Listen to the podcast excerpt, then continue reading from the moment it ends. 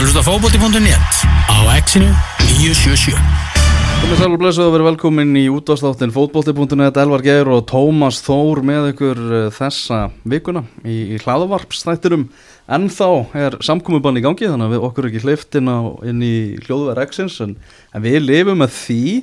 Uh, þetta við rúlað bara nokkuð vel. Við ætlum að, hérna rétt á eftir að að fara yfir svona helstu fréttir vikunar í þessum fótbolta heimi sem er ansið sérstakur um þessa mundir en hingaður komnir gestir þáttarins. Landslýsmarkurinn Hannes Þór Haldursson úr, úr Val og svo Bergsveit Ólarsson fyrirliði fjölnismanna. Þeir sitja hérna hjá okkur, hvernig eru þið í dag strafur?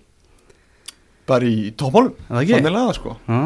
Jú, sama hér, ég er bara nokkuð fín Hvað átti í huga að fá þig Hannes því að þetta átti náttúrulega að vera vikan þar sem við áttum að tryggja okkur á Evrópumótið sko. Það er rétt, þetta er svo vika hún er búin að vera svolítið svona ansi ólík því sem að maður hafði svona ímyndað sér fyrirfram.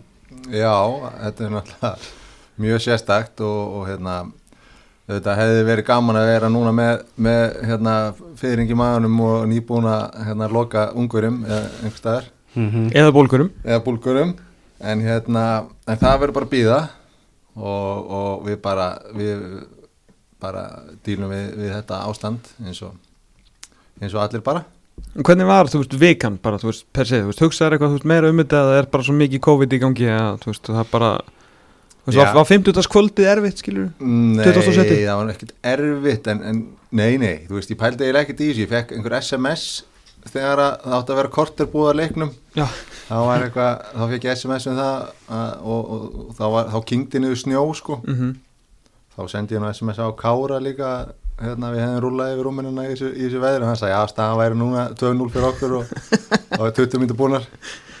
Þannig að hérna, ég held nú að við hefðum, hefðum þetta hefði henda okkur vel, þessi snjókoma og þessar aðstæðir sem að voru uh, í þessum leik. Já, kannski allir nema Birki, hann hefði verið með hendurna svona inn í ermunum, sko. Samt alveg harður, sko, það og, og með verið verið að kast fengi vettlinga Fengi- dólunni Já, eitthvað. Þannig að þannig Þetta, já, þetta náttúrulega hafði þetta náttúrulega svakalega áhrif líka bara á, á, á, veist, á þjóðu lífið, bara að fá ekki þessa leiki og þetta, þetta KSC og allt það, þú voruð því strákarnir fyrir utan þennan þú veist, þú voruð í einhverjum samskiptum þessa vikuna skilur, bara svona, eða eru kannski bara samskiptum yfir höfuð, svona þessi landslýshópur eða? Já, svona allur gangur á því. Það eru einhverjar, einhverjar Whatsapp-grúpur svona sem misvirkar og menn auðvitað eru bara í mismiklu sambandi. Já. en það er alltaf, alltaf eitthvað öðru hverju og svona og, en ég held nú að menn hafi bara reiknað með þessu. Þetta, það, þetta náttúrulega lág í loftinu og, og var, var alveg frekar augljóst að, að þessu eru fresta þannig að það var í, í rauninni það var allavega, allavega svolítið síðan ég var svona hættur að gera ráð fyrir þessu þó svo að maður svona hjælt sér alltaf við og, og einhvern veginn varð að reyna að gera ráð fyrir þessu Já. þá svona vissum maður nú að þetta væri mjög ólíklegt að þeir eru spila. Þeir eru náttúrulega að henda umspilinu í júnimánuð hugsaðu þið ekki strax bara að er hæpið Æ, ég veit ekki, þá var þetta samt ekki komið svona alveg svona langt og, og einhvern veginn held ég bara ég meina þú veist það var alveg þess vegna að vera að tala um að hann yrði mögulega spilaður í mars leikurinn sko þegar þetta var, var ákveðið þannig að maður veit svo sem ekkert hvað gerist og ég, nei, nei, ég held bara að þetta er í júni ég, þegar þetta var tilkynnt og mér leist bara mjög vel á það plan. Við, við töpum aldrei í júni hérna heima. Þannig að það var eiginlega gefinsleikur og, og hérna síðan, síðan hefði, þú veist, liðið okkar kannski þeir sem að eru að skriða upp á meðslum og svona hefur vonandi verið að ná góðum takti og svona, mér leist bara mjög vel á, á þetta júni dæmi. En það verður ekki heldur þannig að þá er bara að stilla sig inn á, inn á hitt Og hvað, hérna, hvernig ert þú að halda þér upptöknum? Hvað, hvað, hvað, hvernig er dagur í lífi, hérna, Hannes Þór Halldórssonar þessa dagana? Já, þetta er náttúrulega bara svolítið eins og vera í vera í fríi uh, án þess samt að geta að fara að hitta félagi sína og fjölskyldu sko. Þetta er svona svipað þegar maður er verið að koma hérna heim í, í mánuð og, og bara með familíuna nema þá er alltaf, alltaf brjála að gera og maður fær í bóð og keira á milli og eitthvað svona en núna er þetta bara svolítið það en, en að svo þegar maður er í, í svoleiðis fríi þá er maður alltaf að halda sér við með einhverjum öðrum leiðum, fara í rektina út að hlaupa eða á, á hérna, cross-trainer eða eitthvað svona þannig að þetta minnir mér svolítið á það sko, mm. mínus öll, öll bóðin Já. þannig að hérna, svo, þú veist, er, er, ég svona með eitthvað, eitthvað sem ég get verið að dunda með við svona vinnutengt og, og hérna, þannig að yfirleitt er þetta nú bara þannig að strákur minn fer annarkvæmt dag í leikskóla og ég, ég skull hann í, í leikskólan og, og síðan er einhver æfing oft fyrir partin Hmm. og svo bara, þú veist, eitthvað reynum maður að vera kreatífur að hafa eitthvað að gera með krökkunum sko. Bergsveitn Ólafsson fyrirlið fjölins er líka hérna með okkur hvernig, hvernig er daglegt líf hjá, hjá þér þessa dana? Það er bara fínt sko veist, ég er að reyna Þetta er nógu svona mikil þjáning fyrir þetta ástand sko. Þannig að maður er svona að reyna að gera sér minnst í þessari auka þjáningu sem hún þarf að hafa á mann sko. Þú er náttúrulega búin að gefa þig svolítið út markasetið þig sem svona topp 5 í ákvæðasta mann á Íslandi. Þannig að þú verður náttúrulega það má enga bilbúð þér Nei, sko. ég get ekki verið bara eitthvað að senda eitthvað selfie upp í sófa og segja mér lífið umulega sko. Sem maður, maður á á sem til að, að gera það. En já, ég bara að halda mér upptökum sko. Já, uh, mörguleiti þá finnst manni allt í unni að maður byrja að, veist, ég er hafsend sko, ég hleyp ekkert æfingu sko, nú maður allt í unni að byrja að hlaupa þrísvar í viku, nánast 10 kilometra og maður, veist, ég er mm. þreyttari núna heldur eftir venjulega æfingavíku sko. Þannig að það er alveg nóg að æfa svo sem en maður er kannski ekki í þessu fótboltaformi. Nei, síðan er ég bara, ég er að klára að skrifa mastersreikirina mína og ok, ok. búin að vera einhverjum fyrirlesturum og búið til eitthvað kreatív meira í, í, í fyrirlesturum líka og, og námskeiðum og fleira. Þannig að ég held mér uppteknum og ég held að það sé svona að hjálpa mér í að hjálpa mér að, að tækla þetta ástandins vel og hægt er sko. Því að þetta er einhvern veginn sko þetta er einhvern veginn þannig, maður, maður dettur í eitthvað veist, maður er að spjalla í fjölskyldumælum eða maður er að gera eitthvað og maður dettur út eins og við erum að tala saman í podcastina síðan bara allt í ranga maður vissir og bara já, þetta er actually í gangi sko að mér finnst það svona gott að tröfla sig í rauninni frá raunveruleikunum svona inn á milli sko. er góð punktur, ég fór bara með þetta í, vinnun í gær og ekki sem er einn að vinnu þessa dagana en ég svona kíkti upp í, í höfustöðarnar mm. skilur þú veist, hitti bara svona smá hérna, tráð fjóra mannskjur, spjallaði eitthvað aðeins og svo vildi ég ekki fara aftur út um hurðina. Að þegar mín beið sér náttúrulega ekkert bara að fara heim og horfa á reyndar svo endalega til þetta í gær sko, meira en það síðar. Uh, en þetta náttúrulega hlýtur að hafa haft mikil áhrif líka bara á svona þitt stóra lífsviðværi sem er náttúrulega eru þessi fyrirlestrar í, í dag, og náttúrulega þú ferði ekki neitt. Nei, ég fer ekki neitt. En, en í, í rauninni þá bara var, hafði þetta mjög lítil áhrif á mig sko, Ok. því að það bara frestaðist aðeins. Já, bara ok. senkaðist fram á haustið og Já. síðan er það náttúrulega núna bara að nýja lausnir hjá fyrirtækjum að vera með rafrænt, rafræna fyrirlestra og, og þannig að ég hef verið að, halda þa- þannig fyrirlestra er náttúrulega allt öðru sí og öðru sí nálgun en það er bara svona þannig að þetta hefur ekkert hoggið á mig þannig að sko. ok, ok þannig ég er nokkuð björnsinn en síðan er ég líka að gera mér grein fyrir því ég er einn, ég á ekki bann Nei, ég er með þó, bara gott bakland í kringum mig þannig að það er kannski auðvilt fyrir mig að segja að, hérna, fyrir mig að upplifa þessa upplifa ekki að þessi þetta líf sé að hafa ómikil áhrif á mig núna sko. nei, nei, nei. En, en, en, en bara halda sér uppteknum finnst mér bara líkilatri í þessu sko. Hafa eitthvað, gera eitthvað sem maður hefur áhuga á. Já. eitthvað sem, sem hérna, maður svona gleymir sér í smá stund sko. Hva, hérna, Hvernig eru fjölinsmenn, eru þið eitthvað að æfa, þú veist, svona eitthvað hópa skipt hlaup eða eitthvað þannig eða? ekki neitt þannig sko. Það er bara hérna, það er, við erum að æfa reynda 6 dagar vikunar, við erum með prógram frá hérna, engaþálfara, það sem við erum að gera 3 dagar vikunar, síðan eru hlaup og hlaup og, já svona lengri hlaup, stittir hlaup og svona skipti í, í hluta sko. Svona geimdili í hlaup og síðan er það svona vinni í snerpun og þannig Ok, uh, sem við eigum bara að gera sjálfur en við erum náttúrulega með GPS hérna, player tech Mm. mm. búnaðan á okkur þannig að það er enginn sem kemst upp með það að gera þetta ekki nei, og við erum að skila þessum tölum inn og hlöðum, hlöðum þessum upplýsingum inn Já.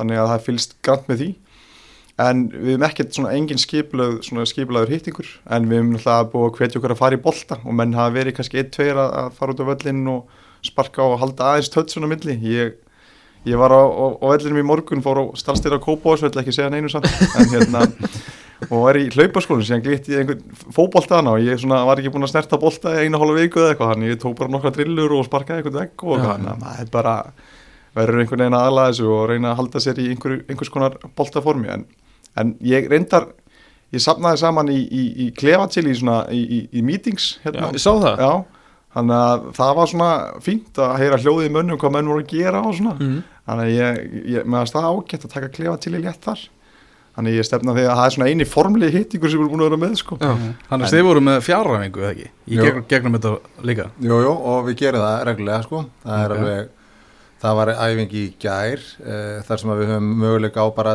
tveim tímum, þannig að við getum valið að mæta klukkan tíu eða, eða kveikja forritinum klukkan tíu eða klukkan hálf fimm ah. ok, og og hérna, en, en þegar ég postaði mynda þessu þá var sér allt lið á lögadegi klukkan hálf ellu Ah. og það verður núna á morgun, það var reynda eftir frídagur í dag en, en þetta er alveg þannig, þú veist, það er bara eitt frí í viku sko og það var, það var úr, úr tvær æfingar í gær og, og hérna Hvað er það með kameru á ykkur líka? Þú veist, er svona, sjáu ykkur annan? Já, það er bara þetta Zoom-forrit mm. sem að allir lokka sér bara inn og svo getur maður valið að sjá alla eða nokkra eða hvað og svo er bara Jói styrtaþjálfari hann er með prógram, bara eins og við erum vanir að gera Og allir bara heima á stofugólfinu? Já, Ok. og hann bara, hann bara kreatífur hann, hann Jói og Allt með eigin þyngd, eða eru þið með eitthvað, Mm. drast með ykkur heima? en við, við sóttum allir uh, þegar þetta brast á þá, þá hérna, var eitthvað gert að mæta nýri val og sækja tegjur og, og, og einhver, svona, einhver lóð og eitthvað og svo Ok. eiga menn eitthvað Jói er yfirleitt búin að stilla þessu þannig upp að annarkvort er þetta líkanstingt eða eitthvað tegjutengt en þeir sem eiga lóð geta gert geta nota þau Já. Eh, svo er þetta svona ringir þú veist þannig að það er, það er svona lítil kvíld eða þú veist þetta er svona kardió líka sko. Já. þannig að þetta er hörku erfitt sko. Þetta er alveg bara að teku mjög á og við erum bara hana þú veist, ekkit, þetta er raunin ekkit öðru í sinni að væri nýri val en, en bara allir heima á stofugólunu Nei, váka ég hef verið til að vera gæðin sem fann upp Zoom. Já, Þú veist, þeir voru með, X-notendur eða eitthvað og núna hérna- eru þeir grenjandi úr hlátri, sko. Einn af örfáum í þessu ástandi sem er grænjandi og latri. Já, einmitt, það, það er sko, inn á er Zoom. oft á dag. En þegar þessu bara ástandi linnir og bara við förum að sjá það að við sem að fara aftur að spila fótbolta hvað þurfa leikmenn að fá marga vikur? Þetta er það sem að mikið er talað um til að hittast aftur, komast í svona smá tengsl við boltan og, og geta að byrja þetta. Ég veit það ekki eh, Þeir ekkert eru alltaf margar, ykkur sko. í leikjum, skilur við. Getum byrjað á morgun Já, já, já, já, ég held í alveg að það þurfa ekkert svo margar af því að það er, það er allir að halda sig við eins og það heyrið. Mhm. og það er allir með eitthvað prógram, það kom allir fitt tilbaka. Já, og við gleymum ekkert, ekkert uh, hvernig það var sparki bolta á nokkurum vikum fyrir að maður gleymi því í jólafrí eða einhverju, einhverju svoleiðis. Uh, hérna, venjur allar sumardeildir heimsins eru með 6 vekna, 5-6 vekna undirbúinustímabili eitthvað svoleiðis og svo er þetta náttúrulega þannig að þessa, þetta ástand er bara, það er allir í þessu saman og ég meina þó að, ég held að þetta verður bara byrja eins fljótt og mögulegt er þegar það er hægt að byrja þetta, þú veist, gefa liðum eh, max tvær vikur eða eitthvað og bara keira þetta í gang, því það er allir í því hvort sem er, það er allir ykkar, það skiptir einhver máli, bara henda þessu í gang en ég myndi segja tvær vikur í mestarlegi en veist, ég held að við ættum alveg að geta að byrja eftir eina sko.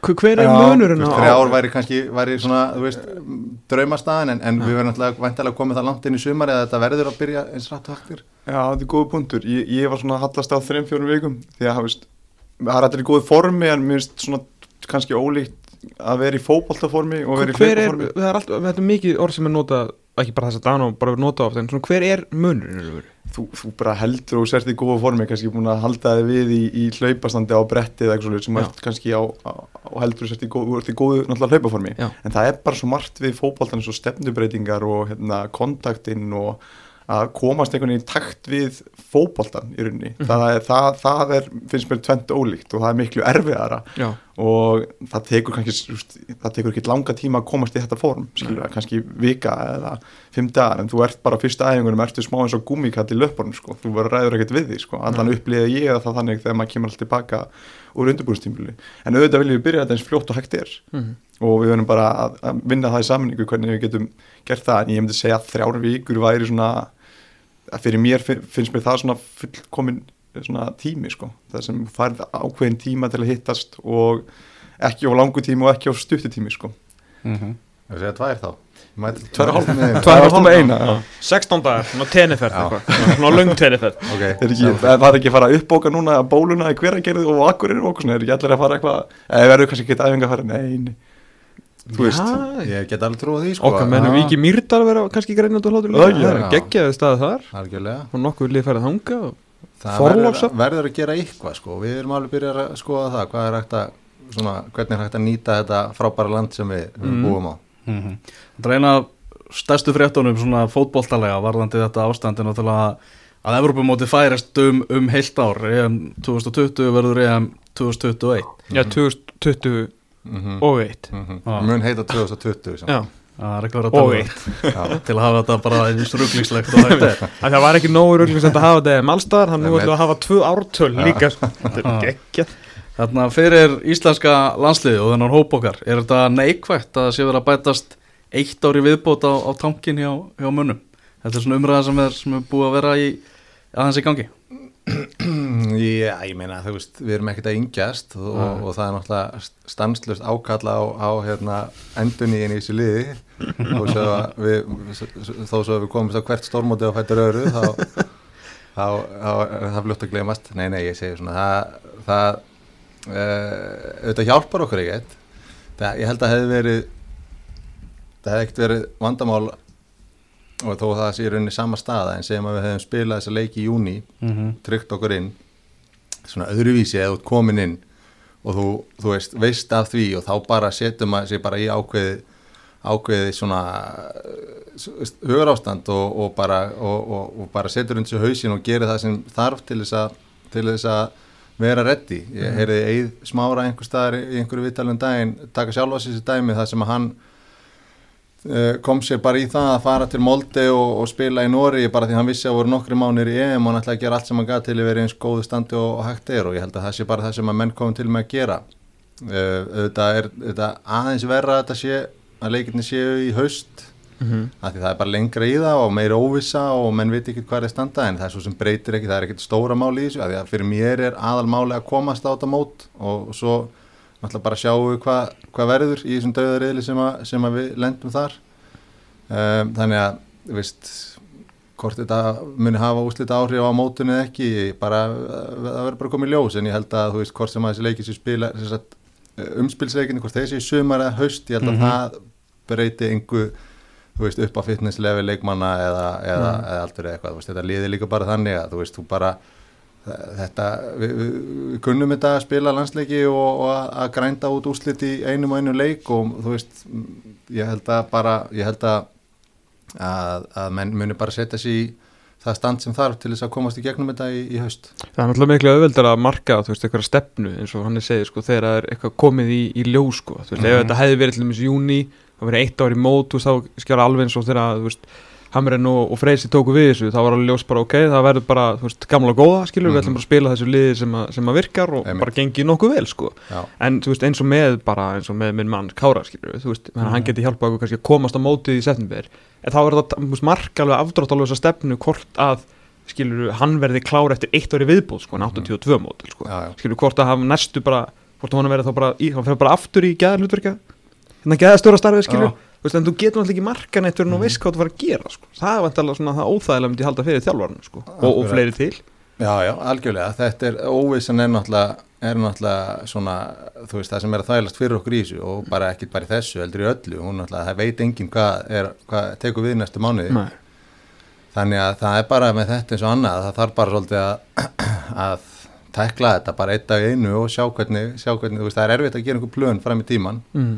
en auðvitað, þetta breytir einhver það að, þú veist, við erum búin að vera hérna í einhver tvö ári eða eitthvað að, með það markmið að komast á þetta Európmót og ég held að það sé enginn að fara að gefast upp á því þó svo að þetta sé búið að færast, ég meina, þetta er bara eitthvað sem að, veist, Kári hefur engan áhuga á því að, að, að landslýsferðilin hans eða ég eða þessi sem erum komin á, á, á Efri ár.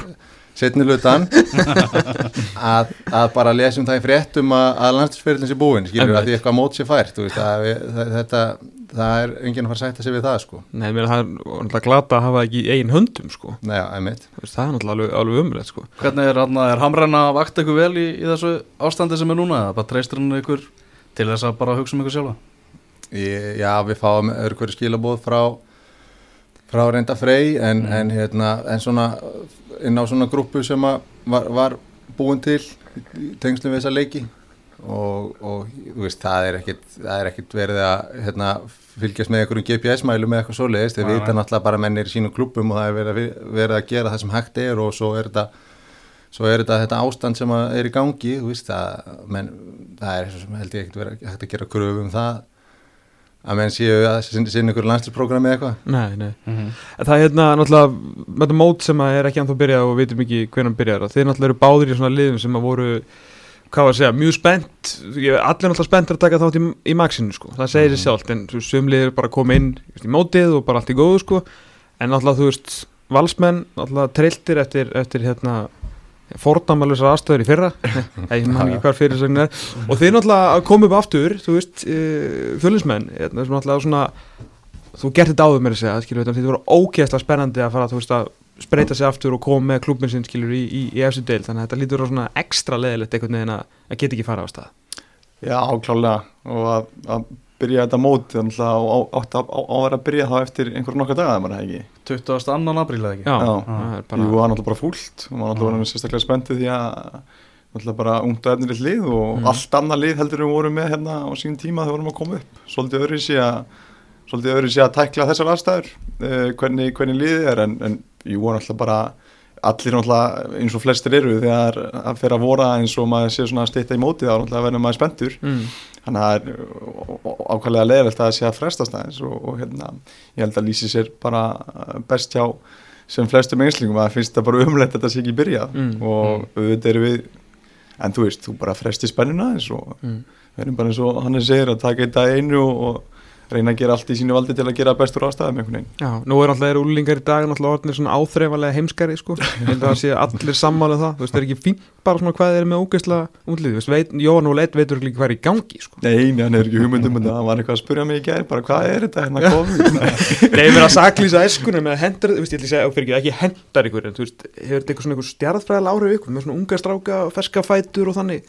ekki og að þeir náttúrulega detta meira í uh, tölvuleikina og FIFA-spilinu sko, Já. svona hvað það gerir fyrir hausin þeirra sko, en, en Reyndar. kannski verða það kreatífur á vellinum þá í staðinn sko. Koma inn, bara eitthvað ringu kassi og hvað hvað er að gerast?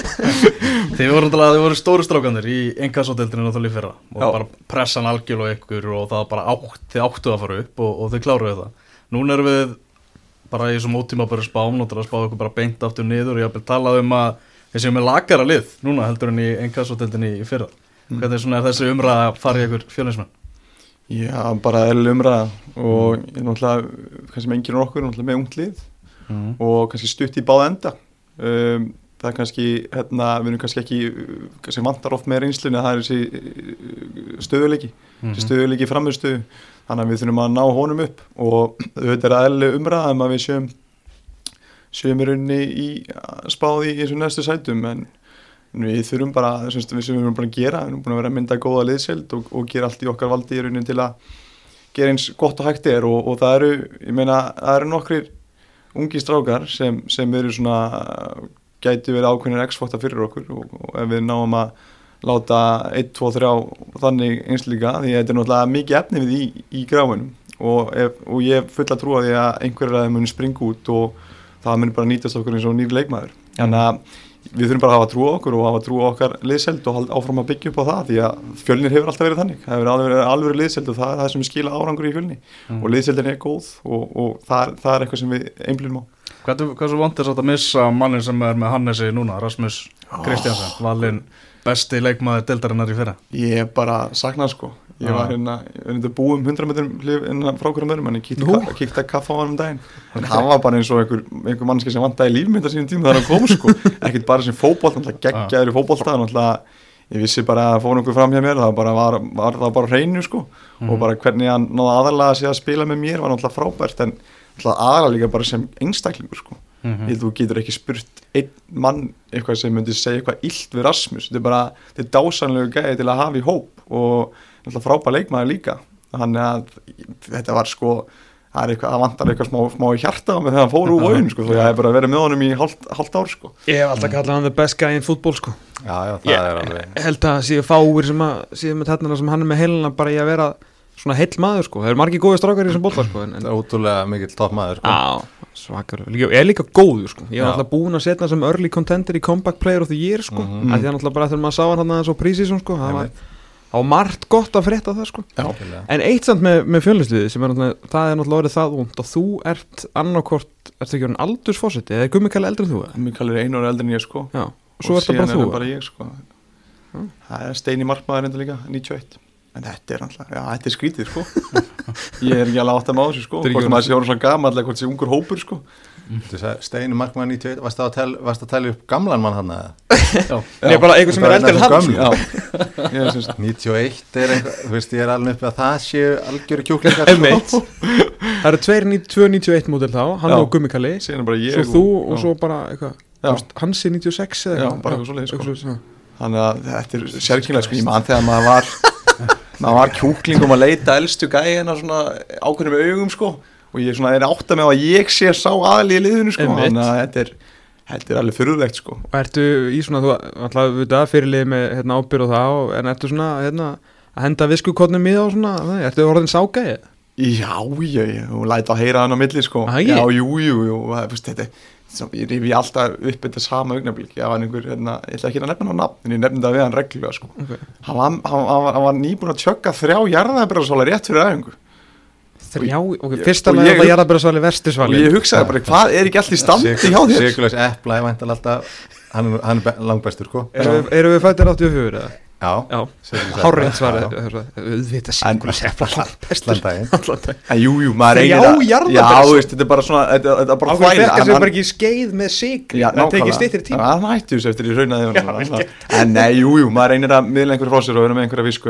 hann maður og þetta eru gó- góðir, góðir strákar, góðir hópla Þú tókst eitt gamla kalla moment hérna á hvaða leik væri með þér var það valsleikurinn eða eitthvað Núna í janúari, februar Þá Mm. tókst eitt gamla kalla moment þar sem að þú algjörlega drullar upp á bak Mistir eitthvað gæði fram og kom eitthvað færi Mm. Skammaðir allir í kringu þig.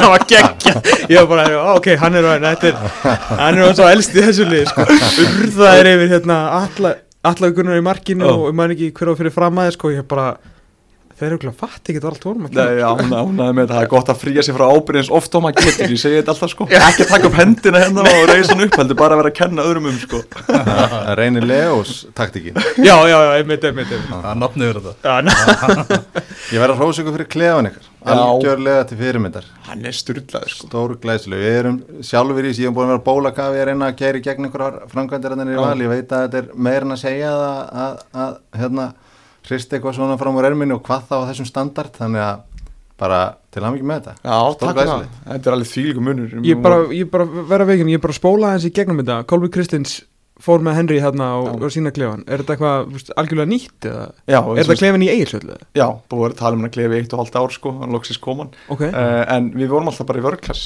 í um vöttíman Við vorum bara með öðru fólki bara í vörklass og þetta var alveg glötu aðstæða sko. Ok. Og þarna var bara búið að gunni sig og Kári náttúrulega, Kári hefur náttúrulega gert semst, liðstjórnin sem er gert fárlega mikið fyrir klúbin sjátt á hann. En allavega þá voru þeirra að vinna í þessu og þetta er bara, þú veist, það er sjóarpana við erum búin að græða einhvern veist, það er íspað, það er pottur það Ok. er bara allir með sinn svona sitt sæti, veist sitt box og þetta er bara algjör leikja breytir eins og við tölum á íslensku sko.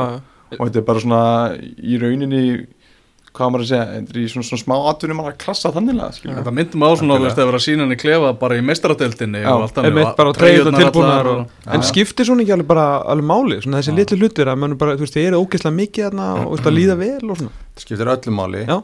Eh, uh, eins og segir við erum ekki aðna og, og hérna, það er mjög stór partur af svona kemistríinu í fótballtaliði, það er þessi klefastemning og að menn vilji helst setja sem lengst og, og, Já, og þú veist, fa- fari bara því þeir verða að fara heim skiluru, en ekki ekki öfugt eins og til dæmis já, það var, þú veist klefan var ekki nóg góður eh, hjá okkur í val Mhm. þegar ég kom þangað og við erum búin að vera að standa í standa í eh, svona framkvæmdum reynda svolítið lengi en, en, en hann var rosa lítill og þröngur og svo myndast gufa og það er eiginlega þannig að maður langar bara, þú veist, maður reynir bara að drífa Ah. sig út sko og þá vera ákvarðat öfug tilfinning þegar þú ert inn í klefuninu, þegar á að líða vel það vilja vera þar og það er hann sem að, sem að er al, algjör líkil þáttur í þessu svona kemistri sem að er ekki hægt að kaupa eða, eða, eða panta eða ítan við takka til þess að framkalla í liði það er Nei, bara eitthvað svona, sem að, eitthvað svona óaþreifanlegt sem verður til smá saman með árangri og vináttu og einhverju svona og þar er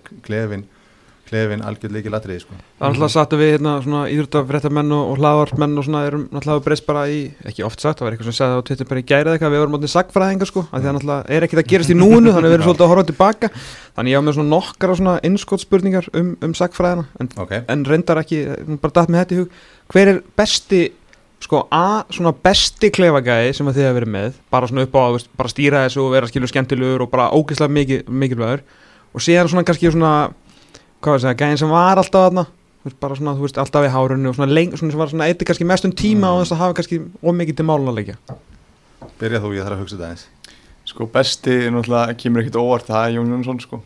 Það er Já, ekki, það er ok. engin sjokkar þar. Já, wow, Jesus, hvað ég held að hann sé skemmtilegur í klefanum.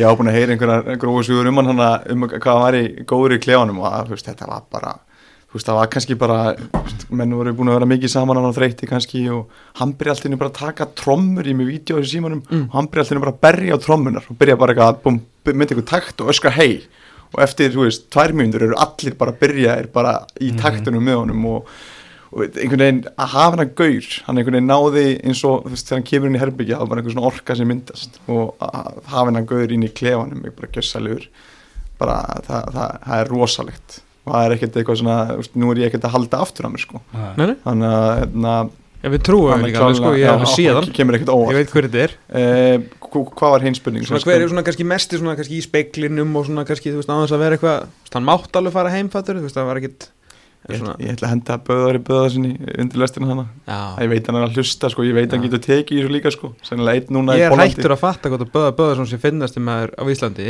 eða leiðilegast um maður í Íslandi. þetta er mesti, mesti Eða þú þá er ég ekki menn sko, er Já. svo sé bara svona gett fútt Já. alltaf heim í Já. Pólandi sko. Ég elska böða sko, þetta er bara einhver mest hann er algjör toppmaður fyndinn, sko. og hann sendað hann með svona close friends á hérna, Instagraminu og hann sendað með þeim átt ekki sinni fórt að hlaupa ég. Já, hann er svona ég hef hatað hann einu svona æfinni það gaf mér olbáskut andlita æfingu viljandi Ok. en annars ef ég elska hann bara eins og, og svon minn sko Já. en ég ætla að henda hann undir útuna núna því að ég myndi eftir ekki beint einhver annar, annar í hug sko Nei. Aðeins lengri ferillið þér Hannes, hver svona hefur dominera klefan? Veist, þetta er náttúrulega ekkert eitthvað sangjant að byggja mann um að velja einhvern einn sko, ég get ekkert verið að velja skemmtilegast eða eitthvað Nei, nei, þannig, bara er eitthvað svona eftirminnilegur Ok, eftirminnilegur, sko, það, það poppaði einn upp, ég ætla ekki að eða mörgum árum í hann en mér fannst auðun Helga algjör toppmaður þegar hann var hjá okkur fram, hann kom svona reynslubolti, drullu skemmtilegur og, og svona þvílitt léttur og skemmtilegur, alltaf mjög gaman að honum. Já, mjög var aðeins, við vorum aðeins í kringum hérna Örli er sér okkur sko. Já. Góð gæði sko. mjög hérna fítn og, og stóð sér vel og dró vagninn og svona. En hérna ég ætla að henda í, í stórt sjátat á, á Greta Sigfinn Sigurðarsson þegar að hérna sko að því að hann samvinna svolítið þetta sem að þú varst að tala um sko hver er lengst í klefanum það er ekki út af því að hann var alltaf að punta sig eða eitthvað. Ég held að sé bara því að hann á svona 70 börn og hund og, og það er endalust að gera hjá hann sko. mörg fyrirtæki. Já, og hann, hann hérna langaði bara að vera sem lengst í En hann var með auðvitað en hann var svo mikilvæg fyrir sko sjálfan klefan líka, þetta er mesti dúer landsins, hann veður bara beint í allt sem hann dettur í hug. Rétt og, og það var svona, þú veist, sem dæmi þá, þú veist, var einhver umræð um að það vantaði pott inn í klefan nýri káir og næsta, næsta dag var hann bara að byrja að stika fyrir honum og, og, svo veist, áru komið steipu einhver svona steipu og hann í gólfið og svo bara liðið svona tveir, þrý dagar þá var búið að steipa pott og, og, hérna, hann einhvern veginn búin að mixa þetta allt og var bara, það var ekkert svona það var bara alltaf vaðið í allt og, og klefin bara, þú veist, það var alltaf eitthvað nýtt í gangi og Greta var yfirleitt maðurinn á bakvið það sko Og var, var þetta ekki líka bara svona einn af fyrstu svona flottu klefunum?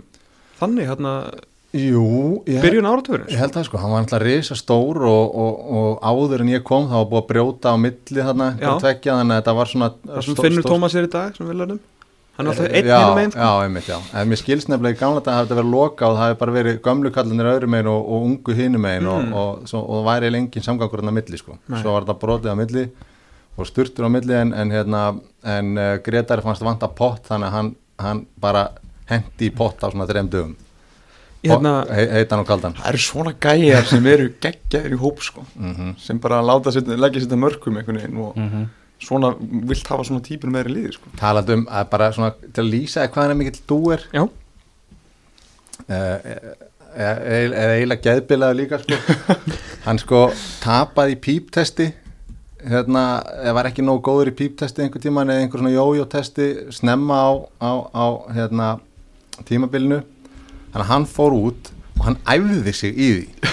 Bara aftur og aftur og bara með helvitis græna og hérna yfir alltaf veturinn og svo næst þegar það var jójótest þá vann hann það.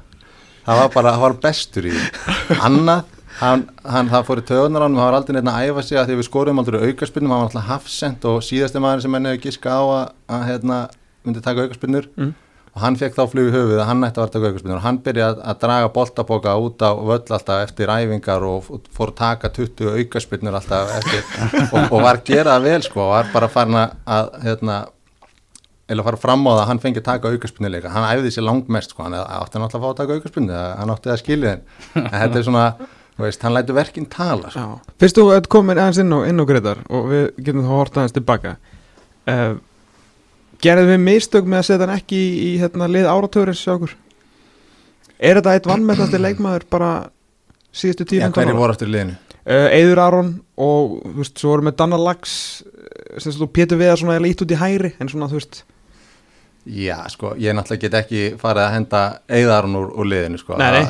Það, hérna, það, á fæi hnefa saman En ég skal gefa, þú veist það sem við erum alltaf að segja þegar hérna, við erum alltaf hérna, að segja okkur, þessi ekki landsliðinu, þessi ekki landsliðinu. Og við svörum alltaf með að segja, ekkert mál, en hvernig á að taka út? Já, já, En ég ætla bara, Ok, þú ég ætla að mér við því. að að ég veit hvernig þú ert. Þá segi ég að nota ég orð Siffans og segi að sjálfsögðu Já, á hann að vera í þessu hann er, þú veist, hann er bara svona iconic svolítið fyrir einhvern veginn síðustu, síðustu ári í þessari deild finnst mér bara, þú veist Mér fannst líka umtalið um alltaf fáránlega ósangjant sko. Já. að það var kannski ekki eitthvað sterkastur á boltanum sko. en þetta snerist náttúrulega um að fá ekki á sig mörg og hann vinnur þú veist tvo titla, einhverja fimm byggamestra titla og málið er, þegar vorum að spila svona 5 og 5, svona litla velli liðans Gretas vann alltaf og hann, og hann var alltaf skorandi og hann var miklu betur fótbolta heldur en hann var að gefa kredit fyrir sko. hann var að setja hann, þú veist þannig að mér finnst hann, mér finnst hann frábær og, og þú veist, og náttúrulega þetta tímabil 2013 er er hérna þegar hann átt að fara Já, og það enda var með að vinna náttúrulega allt einhver- Það var einhver sko. saga sko. einhver mesti sko,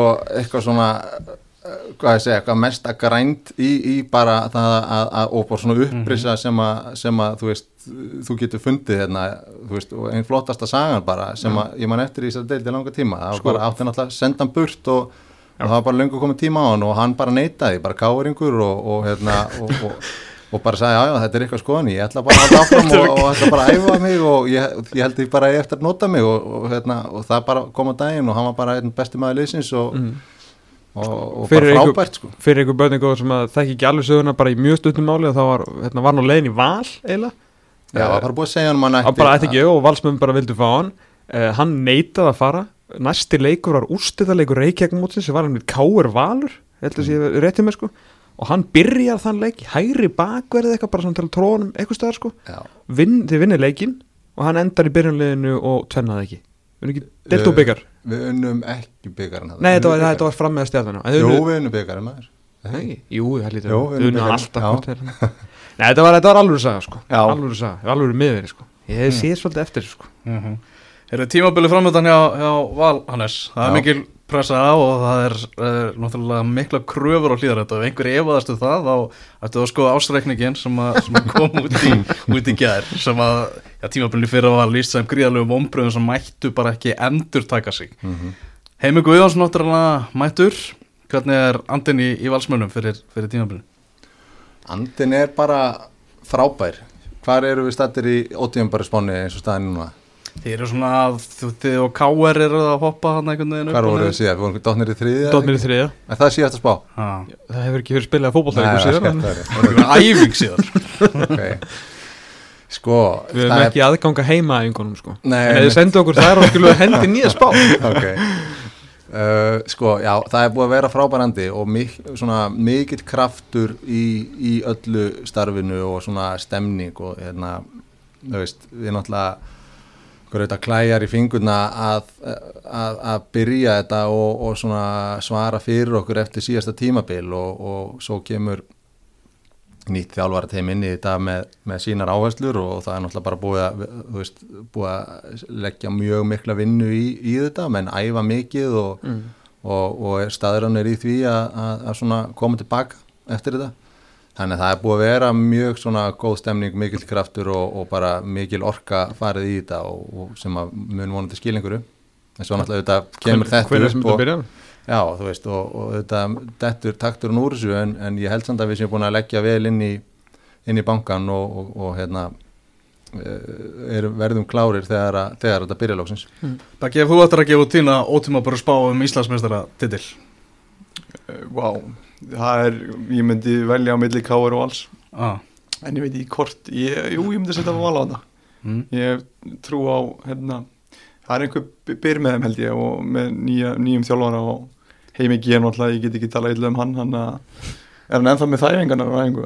Með hvað séru? Með þæfingarnar fyrir æfingar? Þæfingar? Já, tekur alltaf 6-8 spretti eða eitthvað Ég, já, ég held það, ég held Já. að sé alltaf átta sprettir eitthvað svoleiðis. Þæfingar fyrir æfingar. Já, þæfingar, hefði þetta rýmar En Nei, en það er, jú, það er eitthvað, eitthvað svoleiðis alltaf. Það ég held að ég, þú veist, já, ég held að ég ætla að setja, ég myndi tippa ég, þú veist, þetta, mér finnst það að vera 50-50 káur valur en Já. ég myndi setja val, víst að hann er sér líka mér og svona, þá get ég ekki verið að Nei, segja mitt það. Er Það eru káir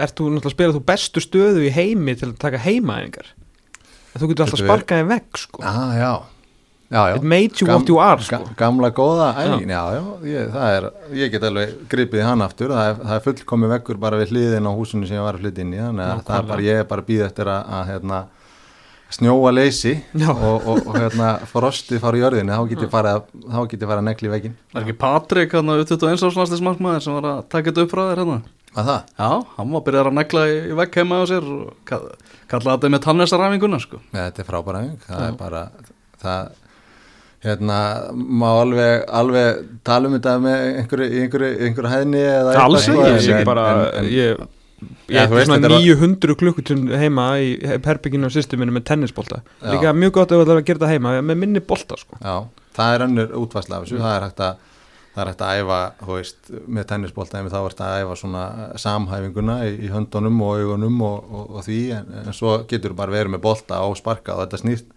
það er ekki bara það að verja skotið, þú ert að negla í, í, í veggin, koma þér í stöðu, þú ert að vera snöggur og koma þér í viðbræðstöðuna og svo þarf að fara eftir boltanum sem kemur hann, þú ert að æfa marga hluti í einu, sko.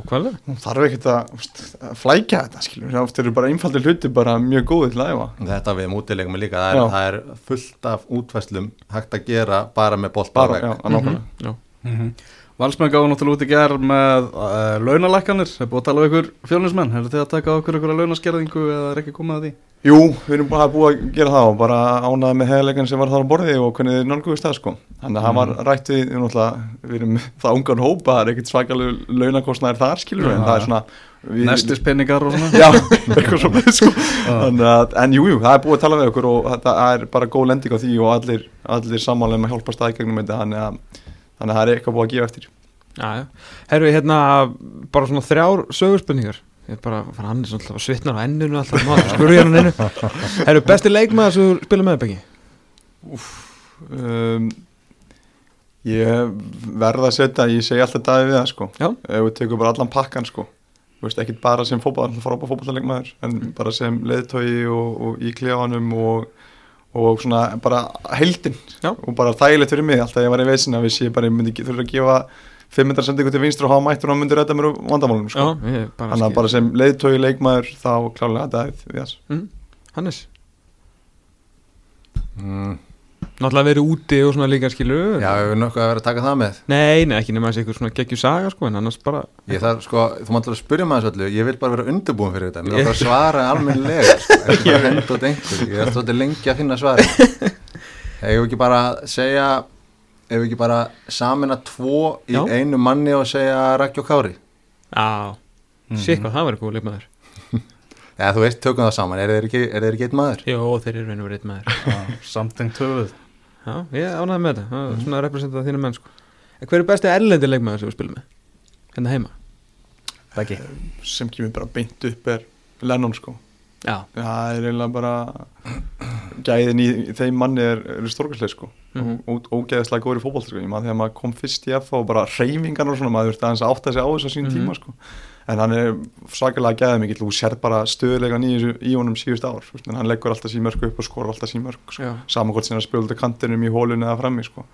þannig að hann er klálega besti erlendilegmaður sem ég spila með. Hann náði mér þess að upp ykkur um 10-11 mörgum í þessu FH dæmi fyrir ég var bara um þetta pæli um daginn þegar ég var að gera þarna þú veist, besti sem var ekki bestir sko. Það er bara hvernig fór hann að því sko? Já, Skilar. alltaf sínu þessi gæði sko. Varst þú, náðu þú Lennon þarna þegar þeir komu strafgöndir, varstu það? Nei, ég spilaði með Lennon í Sandnes Úlf hins vegar. Já, Já, hann er ekki hægri bakverði þar eða eitthvað? Nei, nei, þetta er mjög nefnilega áhugavert sko, að Ok. að hafa orðið vitna því, út af því að þar var hann sett úr þetta hæri kant Já. og hann hataði það og hann, hann náði sér ekki á strik um, sem, sem er skrítið að því að veist, hann var það góður hérna heima og þú veist, þó að sé smá munur á milli deilda þá er hann ekki það mikill að svona mikill afbjörðuleikum á Íslandi á að geta náð hann á að geta staðið sig að núti mm og hann bara náði ekki hvort sem að það hefði verið út af þegar hann var að hægri, bak, nei, hægri kantinum eða, eða hvað það var þá bara, það var eins og hann væri allt annað leikmaður heldur en, heldur en hérna heima. Og það er svona áhugast að hafa séð þessar, þessar tvær liðar á hann Já, já, veistu, öndla við mættum náttúrulega hérna bara, Já, hann hefur verið frábær sko Algjörlega, hann er náttúrulega alltaf með, alltaf með vesinn hérna ef maður spila við hann hér. En, en hérna, hann skoraði ekki nóg mikið fyrir okkur Sandnesúlf. Nei, herru þetta ekki bara komið gott auðvitað alveg? Þetta er hérna, já, ég er með eitt punkt hérna fyrir Hannes, það er hérna að leika fyrir luktum dyrum. Það er, Já. svona, það er náttúrulega punktur sem að svona er mikið umræðin í kringu bara fótboltan almennt og mm -hmm. ennska úrvarsleildin getur fara að stað aftur fyrir, fyrir luktum dyrum. Sumi segja bara er ekki alveg skott að sleppa þessu? Það er ekki fólk á, á vellinum og allt það. Þú er náttúrulega með reynsluna að, að spila fyrir luktum dyrum. Já. Er það á, á reysa leikvöngum? Mm Hvernig- ég, held að, hvernig ég held að það? í fyrsta lagi kannski sé svolítið munur á því að við spilum fyrir luktum dyrum hérna heima hmm. á, á svona opnari leikfengum þar sem að stúkan er bara öðrum megin og, og, og svoleiðis heldur en sko eins og við spiluðum hérna móti til dæmis Úkrænu þá spiluðum við á einhverju 70.000 manna leikfangi sem var galtómur. Mm -hmm. Og það er rosa fyrðuleg upplifun. Það er einhvern veginn eins og að vera inn í einhver svona, svona lofttæmi, einhver svona vakkjum bara sem að þú bara lappar inn. Það var rosa mikið, mikilvæg leikun alltaf mikið undir. Þannig að taugarna voru þandar en svo lappar út af völlin og, og þá bara heyrist bergmál og það er einhvern veginn það er bara ekkert sem segir að þetta sé stórleikur. Mm um, og, og svo bara einhvern veginn, ég veit ekki, það var líka heitt þarna og það var bara eitthvað við uh, upplifun að spila en leik sem var bara stór, stór fyrðilegt sko. Þannig að ég held að spila þessa stóru leiki í, í, í stóru deildunum, það verður, verður alveg fárlegt, sérstaklega fyrir leikmennina, kannski öðruvísi að horfa leikina í sjónvarpinu þar sem að þú sérði það frá sama sjónarhóttinu og þú ert vanur að sjá það og þú veist myndavilin og, og hátt uppi og mynda niður á völlin og kannski meðtekur þetta ekki eins stert þó þetta séu þetta allt annað. Já, mjög skytið en, en hérna en ég held að við, ef að það verður niðurstæðan við þurfum að gera það hérna heima í einhverjum umferðum, það verður hundleðilegt það sjálfsögðu þetta miklu miklu skemmtilega með áhörundum, en ég held að við munum alveg geta stilt okkur inn á það. Er ekki einhvern kunst að koma sér í rétt spennustík, skilur við? Jú, Með það að er öðruvísi, þetta er, þetta er ekki alveg, alveg að sama. Við spilum líka reyndar á móti hérna, luktum dyrum. Og það var ekki alveg eins svona, fannst mér allavega ekki eins svona magna, það var öðruvísi. Stúkan er náttúrulega, náttúrulega hörmulegu völlur eins og, eins og þið þekkið. Og stúkan lengst í burtu. Sko. Martraði sko. Þannig að hérna, það var svona einhvern veginn þá vorum við líka að spila mútið Króatíu og þá vildi maður alveg fá alla, alla mögulega aðstóð sem að var í bóði sko, þá fint að hafa, að hafa sá leikum fyrir luktum dyrum. Mhm. en hérna en, en þetta er náttúrulega tvent ólíkt það er ekki að líka sér saman Með þetta er svona, á. Eitthvað annað sport bara. Augljóslega ef þetta er hægt, menn, veist, þetta verður bara æfingarleikja fílingur sama, þú veist, þú menn flaggi og Mhm. spila ykkur á músík eða eitthvað, það er bara engin á svæðinu, sko. Nei. og þó að séu fimm myndavelar okkar, skilur, þið mér aldrei fá okkur fíling veist, ég, bara, ég get ekki séð að gera, sko. En þú veist, varandi, þú veist, stóru deildirnar í Evrópu verða menn ekki að bara býta í sig ef að þetta er niðurstaðan, að það sé hægt að fara að spila fótbolta að það verði fyrir luktundur um að gera það þannig? Menn að fólk vil allavega fá afturrengu í sjómarpið heima í, í stofu. Löngu komið tíma á það. Jú, ég held það, ég held að það sé ef, þú veist, það verður að klára þessar deildir. Það er bara Já. það mikið undir fjárhastlega og, og þú veist það og, er að og einhver- Liverpoolega Já, já, þannig að það er alveg Þetta er alveg, það er sömu álög á, á, á Liverpool verðist að vera á okkur Íslandingum að vinna Eurovision. Það er bara, það var komið að okkur núna. Það er bara næsta ári. Og, og það, og það var þetta blásið á, ég get ekki ég get ekki uh, jafna mig á því að það sé búið að blása Eurovision af og að við séum sigurstrangulegasta lagið Ég er sammála, það er sko bara, Ég ég, á svo erfitt með að var búið að gera þetta myndbandið, þannig að þú hafðir enga hagsmenn að geta Nei, ég er Eurovision kall sko. Þú ert Eurovision, hvað? Já, já, Ha? Við erum með tvo Eurovision Já. Það er þú náttúrulega, þeir eru bara, það er eitthvað að ykkur Já, það er eitthvað, það er Það er sko. rosalega mikið að ykkur Já, Já, ég er þetta alveg sammála. Þetta, Við vorum að fara að vinna núna sko. já, það var komið að okkur. Það var komið að- Kenni daða bara svo mikið sko. Já, hann er líka greinlega komin hann er, hann er þung, langt niður, ég held að þú þurfa að ringa í hann sko, að bara, ég mæti ekki aftur á næsta ári. Ég Bara skil eitthvað. að er bara Skil bara mjög vel. Hann er, já. Ef að þú verið í Liverpool núna mm og þú verið markur í Liverpool myndur þú hætti í fótbolta? Liverpool, já ég veit ekki. Uh, Hætti fótbolta, nei, nei þú vilt að skilur að Daði kom ekki aftur skilur Já, meina það, sama taktik og það er að mm -hmm. bara hætti fótbolta ef ég fæ ekki titil Já, Myndur þú fresta tímabilinu mánuð í pefstíldinu núna til þess að dagi kemist eða Júróvarsson yrði? Ef við myndum samt spila á mótið? Já, Já, ég það myndi gera fullt fyrir G-hilsu landars að vinna Myndi hugsa Júrósson alvarlega sko. Hérna, ég er búin að reyna að selja stöðu sport hérna Íslandsmestrar móti að sparka mellir marka. Já. Fyrst öllum þetta góð hugmynd nema hérna yfirmaður þessar þeirra stöðar Byrju, Það er vantalega bara markmenn eða ekki? Sko ég er með pælingu. Þetta er markmannsæðing, alveg frábær markmannsæðing. Markmað meðan alltaf taka þátt sko. Þetta, er- Ok. Það er endar annað vingilega, ég var ekki alveg búin að pæla í þessu sko Ég fór að gleyma þessu maður. Ég ætla að hóa einhvern og fara í þetta bara núna sem fyrst sko. Já, er, það, ég og hérna, og Benny Bó sko erum að, í þessu Já, og í skallatennis að þá erum við ekki nála hverjum örum sko. Allavega, Íslandsmestrar móti að sparka mellir marka. Fyrir einhver góðan sparkvöld, sem er svona hæfileg lengt mm. og síðan náttúrulega þú sem mátt ekki náttúrulega mætast á miðjunni það þurfa náttúrulega að vera tve, þú veist, Já, tvekja metri já. línu nýjar tvekja metri línu tala um á sparkvelli já, Já. Já, ok, nei, ég held að vera að tala um bara tvö stóð mörg stilt upp á milli nei, cirka ég, þetta er- er keppni sko. Bannað að vera með hönd. En það já, er reyndar- að vera með höndum sko. Að, hérna, skilur þannig að þetta- einu svona fimm mínútur eitthvað Já. þannig að mynda svona dýnamík. Þú veist, fattur við, og þú bara reynir bara að skora bara að vera með höndum og þú veist, stundum náttúrulega stillir við að það var náttúrulega skótklöka líka sko, Mhm. þetta er allt í mótun. Já, segjum þetta að vera áttalið þú veist, átta til að hafa bara átta þú veist, þannig að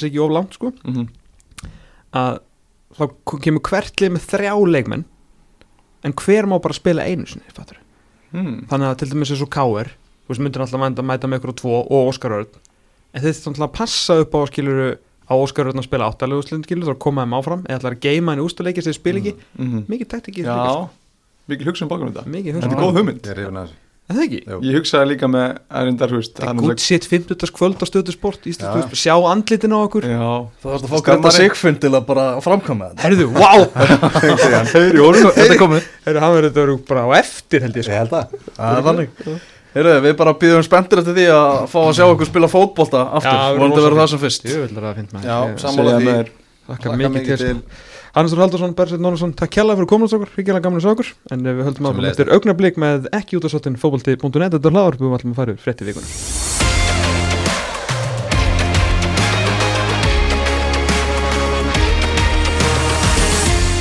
Já, hann er svo beggi búinir að eh, yfirgefa stúdíóð, við ætlum aðeins að líta á eh, fréttir uh, vikunar í fótboltanum sem eru svona einhvern veginn ná ekki að tengjast fótbolta að, að miklu leiti þetta eru, þetta eru Ekki fótballa mörgum allavega. Nei, það líti verið að, að sparka í, í mörg. Já. Heyrðu, byrjum á Sönderland til að dæ. Já, já, ekki, já, Serja 2, já, droppaði gær. Droppaði gær og þú bara hámhorðir. Ég heldur betur uh, hám horfið á þetta uh, horfið á þetta bæði við uh, mataborðið, ég horfið á þetta í sófanum ég horfið á þetta í rúminu og endaði sem kláraði ringin við mataborðið aftur. Já Ég ætla, ég ætla að fá það til að gefa stjórnur. Já, En ég vil byggja þið samt að horfa til þess að skiluru Það er svolítið að gera náttúrulega sama hlutin aftur Serja 1 náttúrulega var þetta var þessi ótrúlega serja Mhm. með ótrúlegum uppákomum á, á fáránlegu tímabili. Já, Þannig að kannski ekki alveg hægt að gera kröfur um það að þú náir jafn mikið á svona einhverjum óvæntum faktorum. Leikmönnum að klessu keira bílana sína blindfullir og, og svona. Emmitt og náttúrulega mm, það er náttúrulega ekki sama óstjórnin sem, sagt, uh, sem er í gangi. Hitt, uh, ef við myndum gefa Söndiland til að dæ season 1, 5 stjórnur mm -hmm. þá myndi ég gefa þessari seríu 3 stjórnur Já. skilur, ef ég er að taka hérna, viðmið Mhm. sem er eins og segir ekki sangjant þetta er bara allt annan dæmi, þetta er ekki skrifað efni, þannig ég get ekki kent neinum handritshöfundum um að vera uppiskopa með hugmyndir, Mhm. að þú getur bara unni úr því sem þú ert með. Þess vegna ætla ég að gefa þessari seríu fjóra stjórnur Svo alveg fyrir komum í sjómast átt að gaggrinni Já, Það eru, fordómálusi tímar. Ég meina, hefur hlust okkar menni stíðu dagskrá eða? Já, já, það sjálfsög Það tóku 70 mínútur um, um Michael Laudrup bara þú veist, og þeir veit ekki svona hver það er sem við ætla að finna sér hýrt Herru, og sko, málið er hérna bara svona premissin náttúrulega í þessari seríu, náttúrulega eins og segir í síðustu seríu þá er allt í voli, þeir eru fallnir hérna og hann, hérna, Ellis eigandinn allar að græða á félaginu, veist, gera það starra með að hérna, koma sér beint upp og, og selja það svo og vera með allt í sjónvarpinu og hann fór náttúrulega allt í hund og kött og, og raskat í bala og náttúrulega trillt serja sko. Nú kemur nýri eigandinn Mhm. með nýjan hérna, framkvæmdastjóra og þeir eru algjörlega heilir. Þú veist, þeir eru svolítið svona ég man ekki hver orðaði, hvort það var Henry Winter eða eitthvað sem að tala um að væri svona smá David Brent feelingur, Já. svona sem hann dettur inn sem er sem sagt hérna úr Office. Svona Mhm. hvað er verða svona svolítið kjánalegi sko. En þeir eru þessast bæði hérna hann uh, Donald sem að, sem að kaupir þetta og uh, hann Charlie Medveð sem að er frangatastjórin þeir eru, það sést alveg að þeir eru ekkert að feika þetta. Þeir eru algjörlega gegn heilir langara hérna, og, og þeim gengur ekki vel að ná að engagea aftur við stuðnismenn Söndiland og stuðnismenn Söndiland elska á bara um leið Mhm. þeir fara að taka til í reksturinnum alltaf reksturinn hjá Ellis bara, og hann er hinnum mönnum sem keftu sér alltaf í hinni seríunni fengur alltaf líka eigenda skipti í meiri seríu sko. Uh, það var sko, þeir voru að stefni að tapa 35 miljónum punta á ári og bara hans að, og þeir sögðu, eh, sem sagt, í ein- einni sinn segir hérna nýja frangaðastörin bara reksturinn á þessu batteri er the biggest shit show I've ever seen sem að segir okkur hversu góð síðasta seríu er Mhm. uh, hérna, og þetta gengur náttúrulega aðeins betur ég held að allir sem fylgist nú með fótbolta af nú kannski aðeins fylgst með Sönderland og síðustu leiti og viti nú sirka bát hvað gerðist uh, þannig að það er ekki jafn mikil vittleisa Mhm. en bara þetta insight skilur sem að fær og, og, hérna, og bara þó þeir séu ekki að rugglaðir og guf rugglaðir þessir nýju eigendur og nýju stjórnaformaður og svona að þá eru þetta er öðruvísi þeir eru bara heilir, og það er allt í leið líka bara að ganga vel sko Mhm. Þú veist, bara hérna, hvað, sjá bara virkilega svona gegn heila menn verið reyna að taka og svona ná aftur til stuðnismannina, þú veist, ég upplýði líka bara svolítið bara svona smá vikingi í þessu sko. Bara svona, hvað maður gæti einhvern veginn disengage það á stundum þegar illa gekk og síðan kemur þú veist, ný stjórn og eitthvað svona, þannig að þetta tengd alveg við mig og ég, ekki, ekki spurningi meðlega með þessu. Mhm. Þannig að hérna, já, eins og þú segir þá hérna það er svo skemmtilegt við þessa mynd, það er ekkert verið að, að, að sigur húði þetta, þú veist, þetta er Nei. bara sannleikurinn er, er síndur Já, þetta er ekki, þú veist, eins og OC þú veist, þeir sem á OC season 1 getur hljótu að vera sammála um það að það sé einn besta svona úlingadramaseri allra tíma. Svo á rauðadreglunum fyrir season hérna, eftir þetta, þegar var svona rap partí, mm. að þá var handriðsöfundur því OC spurður og hérna, hvað hvort þið til á YouTube. Bara hvernig heldur að season 2 verði og hann sagði, ég er mikla rákýraði, ég er uppi skopið með allar hugmyndunar ég veit ekkert hvað ég á að skrifum, Af því að þáttar að við var sko 27 þættir eitthvað, það var í gamla dag áruna allir þættir eru bara 13 þættir eitthvað. Mm og hann var eitthvað að ljúga, því að síðan byrjaði season 2 og þá, hann var allir drast sko. Og þar gæti ég kent honum um það en ég get náttúrulega ekki kent raunveruleikanum um að að er það er að sko. og mjög skemmtilegt -hmm. og þessi stuðnismenn eru náttúrulega ótrúleir Mm -hmm. Heyrðu, það er hérna veiran eh, sem að, sem að eh, koronaviru faraldurinn mm. Veiran ógnar ekki fjárhag Manchester United Nei, Ed Woodward sem er búin að vera svona mikill grínkall nú er svolítið að, er svolítið að græða á þessum samningum sem hann er búin að gera sko. Ég, það er allir búin að vita það í, í mörg mörg ára Ed Woodward, Ed Woodward er einhver besti sko, markastjóri og peningasafnari sem að fyrir finnst í, í, hérna, í Európa-boltanum og þó við að vera að leita og öruglega bara sko, þvert á allar íþróttir mm mm. uh, maðurinn er bara að greina algjörð séni þegar kemur að því að, að markasetja náttúrulega stórt brand það er ekki eins og hann hafi búið til Manchester United en hann tekur við Manchester United á þú veist, einhverju ákvörnu stígi Mhm. og einhverju ákvörnu þrepi og liftir því upp tekjulega séð um, um mörg mörg þrep með því að vera með hérna ofinbert uh, krullujátn ofinbert rakvel, ofinbert vín og skilur þú veist, náttúrulega algjörð svona sell-out dæmi en veist, þetta er náttúrulega bara sem að skapa tekjur. Þannig að þú veist, alltaf þurfum við að vera að gaggrina þetta útvart þegar maður verið að beða um að fara aftur nýra markastelt og láta fótboltan í friði sko. þannig að nú er einmitt eins og segir nú er arfleið hans Mhm. í sínu gamla starfi svona aðalega, og þetta er náttúrulega stýra hans öllu náttúrulega sem þú veist, framkvæmdastjóri félagsins en arfleið hans úr sínu gamla starfi er svo heldur betur að, að skila ég skila því að Manchester United er kannski ekki jafn miklu vandamálum og, og, og mörg mörg önnu félög Það þurfa ekki jafn mikið að reyða sig á, á svona leikdagstekjur og, og, og annað slíkt sko. Nei, sem er náttúrulega hjút sem þú sagðir hérna ánum fórum að stað og er nú fínt bara fyrir United ef að glukkin myndi opna og getur þeir farið með í alls konar félög sem að skortir peninga sko og bara náði, náði leikmenn svo þá, þá eh, mandar mm -hmm. Eru Jack Grealish var að taka næst Hvað, að púp? Hvað þarf að vera með eitthvað vesen eða? Já, og, Nei, nei, þú veist mér fannst það leðilegt sko já. að hérna, ég einhvern veginn held að hann væri hvað var að segja, vaksin upp úr einhverju svona dóti sko, búin að vera Mhm. ógeðsla flottur í erfið svona erfitt gengi hjá Aston Villa mikil ástriða, mikið undir veist, 160 miljónum punta sett í leikmannakaup að vita allir hann blæði fyrir þetta félag búin að vera fyrirmynda fyrirliði yfir burða maður í liðinu, það er ekki eins og hann sé búin að vera eitthvað að fela inn á vellinum sko, lang bestur í þessu liði eh, hefði mögulega að fara á EM geti ennþá, veist, bara EM 2021 mm -hmm. uh, mögulega að fara til Manchester United og ferillin svona einhvern veginn að fara af stað og svona, þú veist, veit að hann er svona glum gósið skilur þetta, svona, myndalur strákur og, og allt í lagi og finnst gott að, að hleypa af einum og, og hérna en uh, svo fer hann í þetta sko, þú veist, ef þú ætlar að fara í par af hverju þú veist hann að fara að keira og kirstaða bíla skilur, af hverju gæti hann ekki bara Mhm. að fara í partí Mhm. og það var of mikið sko.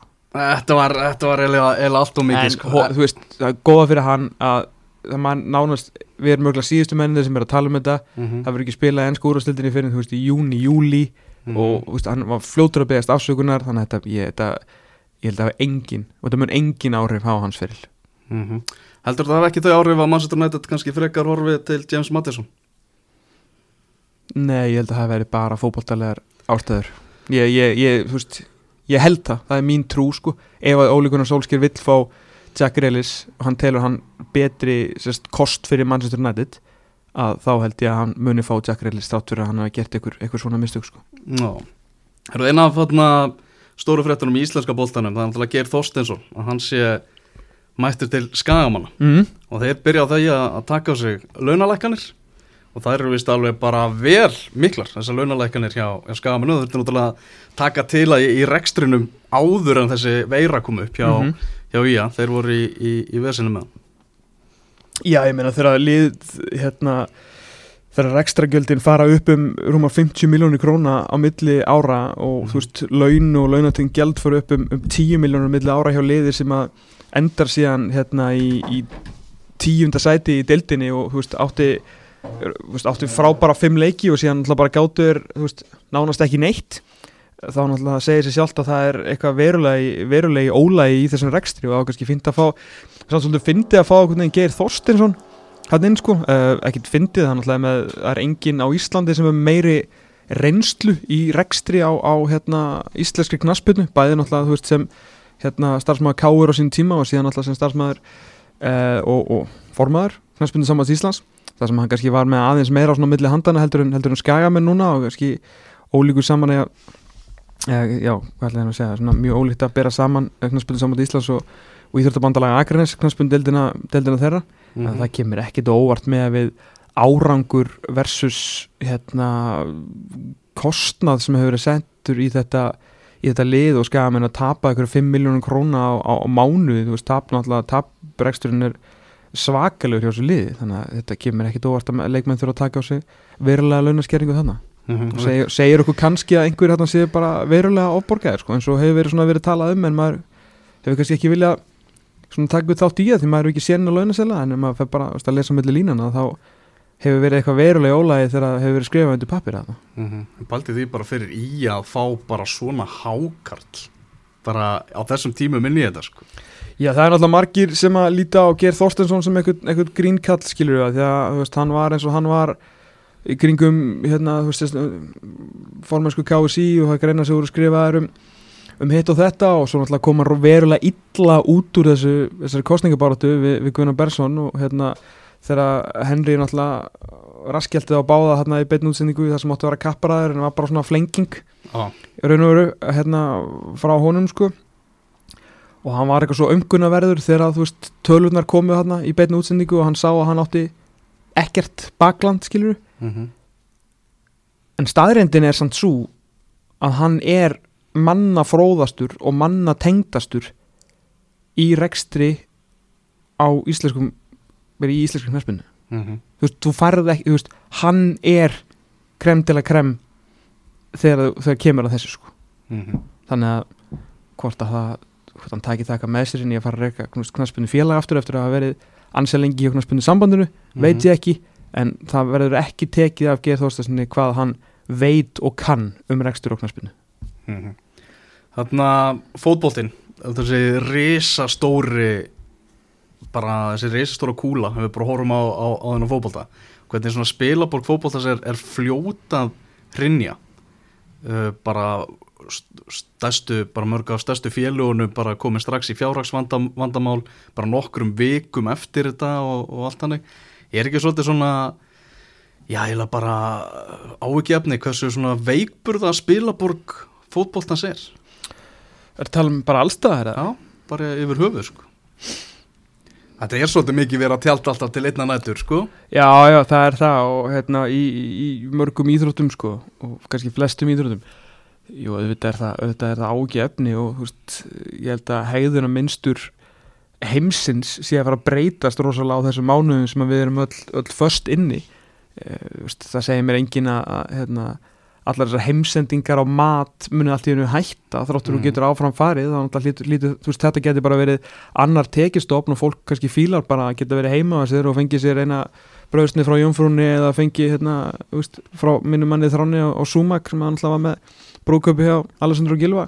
Þú veist að fá það heim sko. Mm. Nú, kannski, nei, kannski matur er vond dæmi bara, þú veist eins og við hérna það er að loka verslun Símans í Ármúla. Mm. uh, og nú það, veist, er engin verslun núna næstu vikurnar.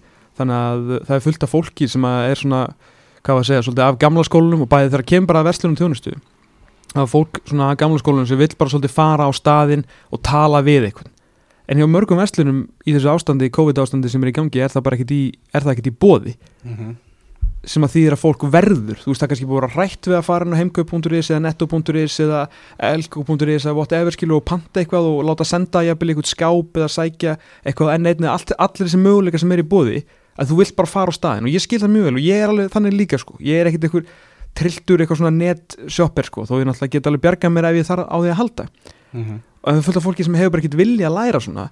En hegðuna munstinni mun breytast og kannski upp þú skilur fattar það að er bara drullu fínt að fá matinn frá netto bara heim, þú veist, ekkit samstarf sko, bara, man, bara þeir eru með, svona voru fyrstir í netverslun skilur, eða heimkaupa eða hvað sem er. Kannski fyrstir bara fínt að kaupa þér þú veist, hérna, krómkast og láta senda eitthvað, skápa því hann er nálægt vinnunniðinni, þú veist, skilur, þú veist hefðuna minnstur okkar er að fara að breytast út af þessum, út af þessum aðstæðum og það sem er að koma að og það hlýtur að vera þannig með fótboltan líka að félögin hljóta að skilur átta sig á vonandi Mm -hmm. að nú er þetta gerast í annað sinn á áratug sko, ef við tölum bara um íslenska fótboltan og hvernig hann hrundi út af hruninu Mhm. en samt svona jafnt og þétt fóru aftur upp tröppun og tröppun og komið svona annað líti góðæri allt, þú veist, og bara aftur konur fullt af erlendu leikmunni sem voru að fá fullt af peningum, íslensku strákarnir að fá fullt af peningum, mér að launa kostnaðar af alls eitthvað, skilur laun og launatínd gjöld okkur rekstra kostnaðar, eitthvað langt yfir 200 miljónir króna, öll liðin sko, um og yfir 100 miljónir til að búa, til að reka knaspunulið á Íslandi sko. Mm -hmm. allt í lagi, ég meina ef peningurinn er til þá bara gerum við þetta. En ef að grunnurinn er ekki og stóðunar er ekki sterkar en þetta þú veist, allir við þá að láta okkur þetta, þú veist, skilur við tökur tvö á hún ekki heldur að láta okkur að kenningu verða Mhm. þú veist, það verður mjög fróðlegt að sjá hvernig svona bara hvað var að segja, rekstrar minnstur í staðin fyrir hefðuna minnstur breytist í, kannski sérstaklega í íslensku fótbolta eftir þessa tíma Mhm. Hvernig breytist það? Verður þetta bara meiri, meiri gleðin og, og fótballin fyrir aftur í svona, tekur aðeins skref aftur og bak, verður meira Nei, svo er náttúrulega það hobby. skilur að, hérna, að félögin geta náttúrulega ekki verið að sapna einhverjum peningum og þau eiga ekki að eiga peninga Nei.